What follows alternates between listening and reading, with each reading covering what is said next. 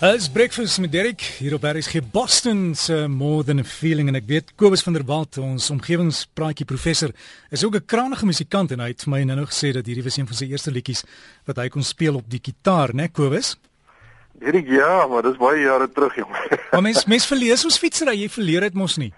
Ja, nee, dit is seker so, maar uh, ek het dan lankal ook besef dat ek is toe nou nie die Einstein van musiek nie en dit is maar net 'n stokperdjie. Jep. Maar nou ja, goeiemôre al ons omgewingsvriende ook en vanoggend wil ek uh dit is my lekker om te praat vanmôre want daar was uiters goeie nuus wat die afgelope week na die lig gesien het.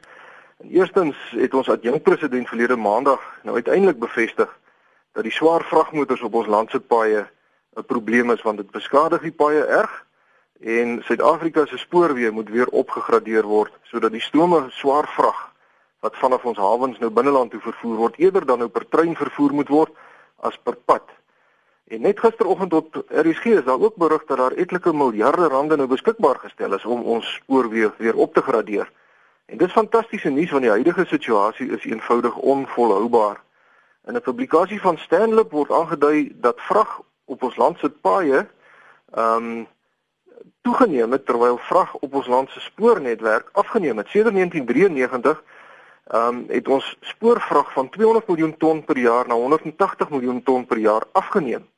Maar in teenstelling hiermee het die vrag wat met swaar vragmotors op ons land se paaie vervoer word, sedert 1993 toegeneem vanaf 650 miljoen ton per jaar tot bykans 1400 miljoen ton per jaar. En dit beteken dat daar tans 8 keer meer vrag op ons land se paaie is as op ons spoorlyne. En hierdie klomp vragmotors op ons paaie en ek praat nou van tussenstedelik, nê. Nee, swaar vrag, grootmaat vrag tussenstedelik. Hierdie klomp vragmotors is nie net nadelig in terme van die leeftyd van ons padinfrastruktuur nie, maar dit veroorsaak geweldige vertragings en frustrasies in die verkeersvloei en ons het dit almal al ervaar. Nou die feit dat ons regering nou by monde van ons adjunkpresident dit nou onomwonde gestel het dat ons land se spoorweë sal moet groei sodat ons die aantal swaar vragmotors op ons paaie kan verminder, is nie net goeie nuus vir padverbruikers nie, maar dis ook baie goeie nuus vir ons omgewing omdat 'n trein een van die mees energie-effektiewe wyse is om swaar vrag mee te vervoer. In die Amerikaanse vervoer energieboek word aangetoon dat dit omtrent 20 keer meer energie verg om vrag met 'n vragmotor te vervoer as met 'n trein. Die syfers wys dat as mens 1 liter diesel het, as jy dit met 'n vragmotor wil gebruik om 'n ton vrag te vervoer, dan sal jy daai ton maar net omtrent 200 meter ver kan vervoer.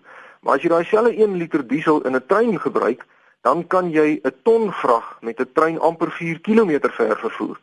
So as 'n spoorweë weer sy regmatige plek inneem, sal dit nie net goeie nuus wees vir al ons padgebruikers nie, maar dit sal ook uitstekend wees vir ons land se koolstofvoetspoor.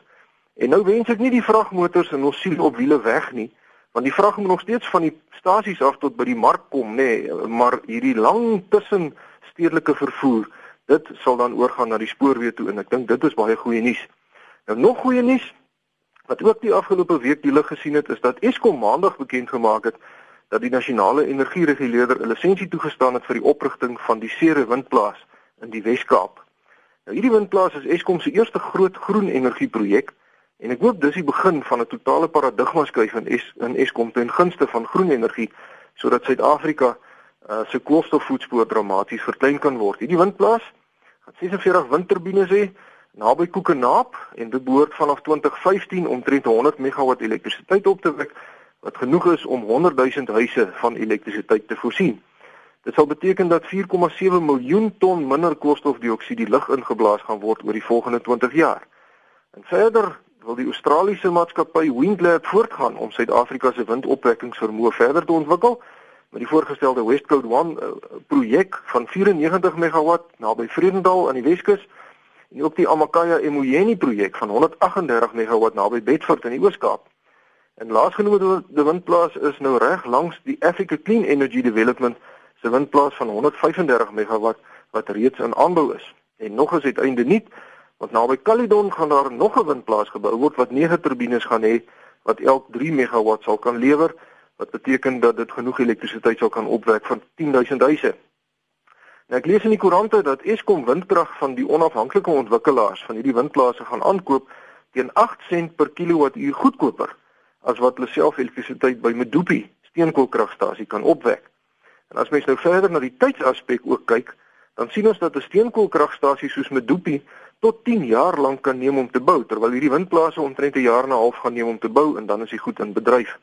So alles in ag genome is dit wonderlike nuus vir Suid-Afrika en ek hoop al die groen energieplanne realiseer, realiseer sonder hakplekke. As mens wêreldwyd na elektrisiteitsopwekking kyk, dan lyk dit of die oorskakeling na minder skadelike tegnologieë al hoe vinniger veld wen. Aardgas raak al hoe meer gesog en veral in Amerika daal die pryse daarvan tans omdat nuwe reserve gedurig ontdek word wat nou met hidrobreking ontgin kan word maar ons soos ons nou weet is hidrobreking kontroversieel omdat dit baie sleg vir die omgewing kan wees indien dit op plekke aangewend word as die geologie nou nie geskik is nie of as die hidrobreking nie baie goed bestuur word nie. In windkrag groei wêreldwyd tans ook baie sterk, maar daar is nog steeds botsende menings oor watter rigting die wêreld moet inslaan met betrekking tot volhoubare kragvoorsiening soos byvoorbeeld as die wind nou nie waai of die son nie skyn nie. In ons eie regering is daar ook botsende menings hieroor. Sommige ministers sê dat kernkrag onnodig gaan wees in Suid-Afrika omdat ons genoeg skaliegas in die Karoo en langs ons kuslyne sal kan ontgin. Maar ander hoëgeplaases soos byvoorbeeld die minister van energie self het onlangs gesê dat die vraag nie is of Suid-Afrika sy kernkragvermoë gaan uitbrei nie, maar wanneer. Die departement van energie se geïntegreerde hulpbronplan uh, wat nou ons kragleweringssituasie tot by 2030 beskryf, sluit 9600 megawatt se nuwe kernkragstasies in wat beplan word naby Kaap St Francis, uh Bantamsklip naby Pilly Beach in die Suid-Kaap en langs die bestaande Kuiberg kernkragsentrale by Melkbosstrand. Maar 'n nou onlangse studie deur die Universiteit van Kaapstad se Energie Navorsingsentrum is bevind dat baie van die aannames in die regering se hulpbronplan nou nie meer geldig is nie. Die die die uh, energie situasie verander so vinnig En in die lig van die nuutste ontwikkelinge op die gebied van ehm um, ingevoerde hidroelektrisiteit vanuit ons noordelike buurstate byvoorbeeld uh en windkrag en aardgas natuurlik daar dalk goedkoper vinniger en 'n uh, kleiner segment alternatiewe kan wees vir kernkrag. As ons dus eerder die weg van ingevoerde hidroelektrisiteit en aardgas volg, sal dit die risiko dat ons nou duur kernkragstasies gaan bou wat ons dalk oor 'n dekade of 2 nie meer nodig gaan hê nie, verlaag. En die hidroelektriese potensiaal noord van ons is geweldig. Omgewingsvriende, die Zambesi rivier bevat twee keer soveel water as al Suid-Afrika se riviere saam. So as mens daar hidroelektriese 'n uh, klomp hidroelektriese stasies kan bou en ons kan dit invoer, dan is dit natuurlik die ideale oplossing vir Suid-Afrika. Maar hoe dit ook al sê, ek hou die energielandskap van Suid-Afrika met groot verwagting dop, want dit lyk my goeie dinge begin nou vinnig gebeur.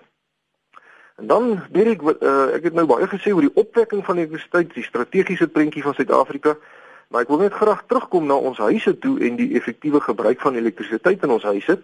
En ek het 'n brief ontvang van mevrou Leni van Sail wat vir my skryf, uh, sy sê hulle moet 'n nuwe stoof aankoop en baie mense beveel nou 'n induksiestoof aan. En die vraag is, spaar mens werklik soveel e-, elektrisiteit as jy nou 'n induksiestoof gebruik teenoor 'n uh, elektriese stoof, 'n gewone elektriese stoof? Sy sê hulle is net twee persone in die huis en sy is nou nie heeldag aan die kombuis besig met kook nie en daar is 'n groot prysverskil tussen 'n induksiestoof en 'n elektriese stoof en dan benodig mens verder nou potte en panne wat spesiaal vir die induksiestoof gemaak word. Sy sê die potte word ook teen ongelooflike pryse verkoop. Nou, baie dankie vir daardie navraag mevrou van Sail en ek probeer graag help. 'n Induksiestoof verwarm die pot wat op die stoof staan self. In teenstelling met die gewone tipe stowe wat nou stoofplate het wat warm word sodat die warmte deur geleiding aan die pot oorgedra word. 'n Gasstoof werk ook so, die warmte van die gasvlam word deur geleiding aan die pot of die pan oorgedra en 'n hele klomp van die energie gaan dus verlore in hierdie geleidingsproses. Nou nie enige pot of pan werk op 'n induksiestoof nie, soos wat mevrou van Sail gesê het, maar net die wat van ferromagnetiese metale gemaak is. Nou 'n mens hoef nie noodwendig nuwe potte of panne te gaan koop nie, want 'n induksiestoof sal goed werk met enige pot of pan wat 'n yster of 'n staal bodem het. Gietysterpotte of enige van hierdie swart metaalpotte of panne sal ook goed werk mits dit 'n plat boom het. Maar glas of keramiekpotte of potte wat van aluminium of koper gemaak is, sal uh, glad of glad nie werk nie of nie so goed werk nie.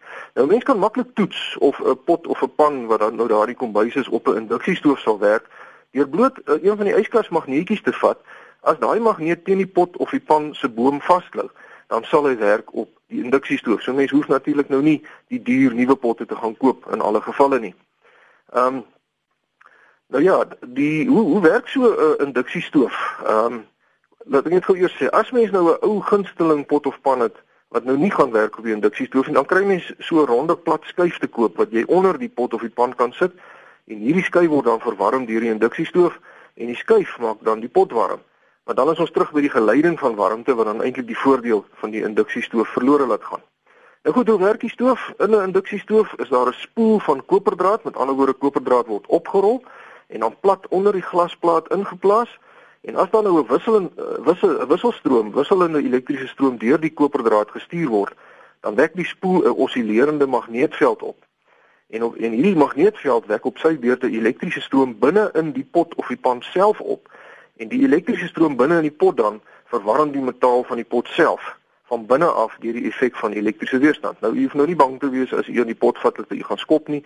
Uh dit uh, of skok dan nie, ekskuus tog, dit dit is binne in die metaal van die pot. Nou dit beteken dat die stoofplaat van die stoof glad nie warm word nie, maar net die pot of die pan waarin die voedsel voorberei word en daarom is 'n induksiestoof omtrent 12% meer energie-effektief as 'n gewone stoof. Induksiestoof reageer ook baie vinniger as 'n gewone stoof as mens nou die hitte wil verstel, amper so vinnig soos 'n gasstoof en mens kan hom meer presies ook verstel. So mevrou van Sail, u sal maar die eie sommetjies moet maak want 'n induksiestoof se elektrisiteitsbesparing gaan in die orde van 12% wees Uh so u sal maar moet kyk of dit vir u die moeite werd gaan wees, maar as ons nou almal in gedagte hou dat elke bietjie energie wat ons spaar bydra tot ons kinders en kleinkinders se toekoms, dan is iets soos 'n induksiestoof 'n goeie belegging, net soos klein niksegende goedjies soos energiebesparende gloeilampies wat ons almal in ons huise ingeplaas het. Weet ek sien my tydjie is al weer om. Baie dankie vir al die briewe wat ek steeds ontvang. Ek ontvang so in die orde van 'n 300 briewe gemiddeld per week en ek vra dus uh, geduld van ons omgewingsvriende en ook begrip. Dis vir my onmoontlik om almal te beantwoord. So as jy nou niks van my hoor nie, dis nie omdat ek ongeskik is nie. Ek ek het doodgewoon nie tyd nie, so my verskoning daarvoor. Maar hou asseblief aan om vir my te skryf. My rekenaaradres is kobus.vanderwalt@nwu.ac.za of jy kan my kry by die fakulteit Natuurwetenskappe Noordwes Universiteit, Potchefstroom 2520. En 'n baie vriendelike groete tot 'n volgende keer. So gesels Kobus van der Walt en daai e-posadres is kobus.vanderwalt by nwu.ac.za.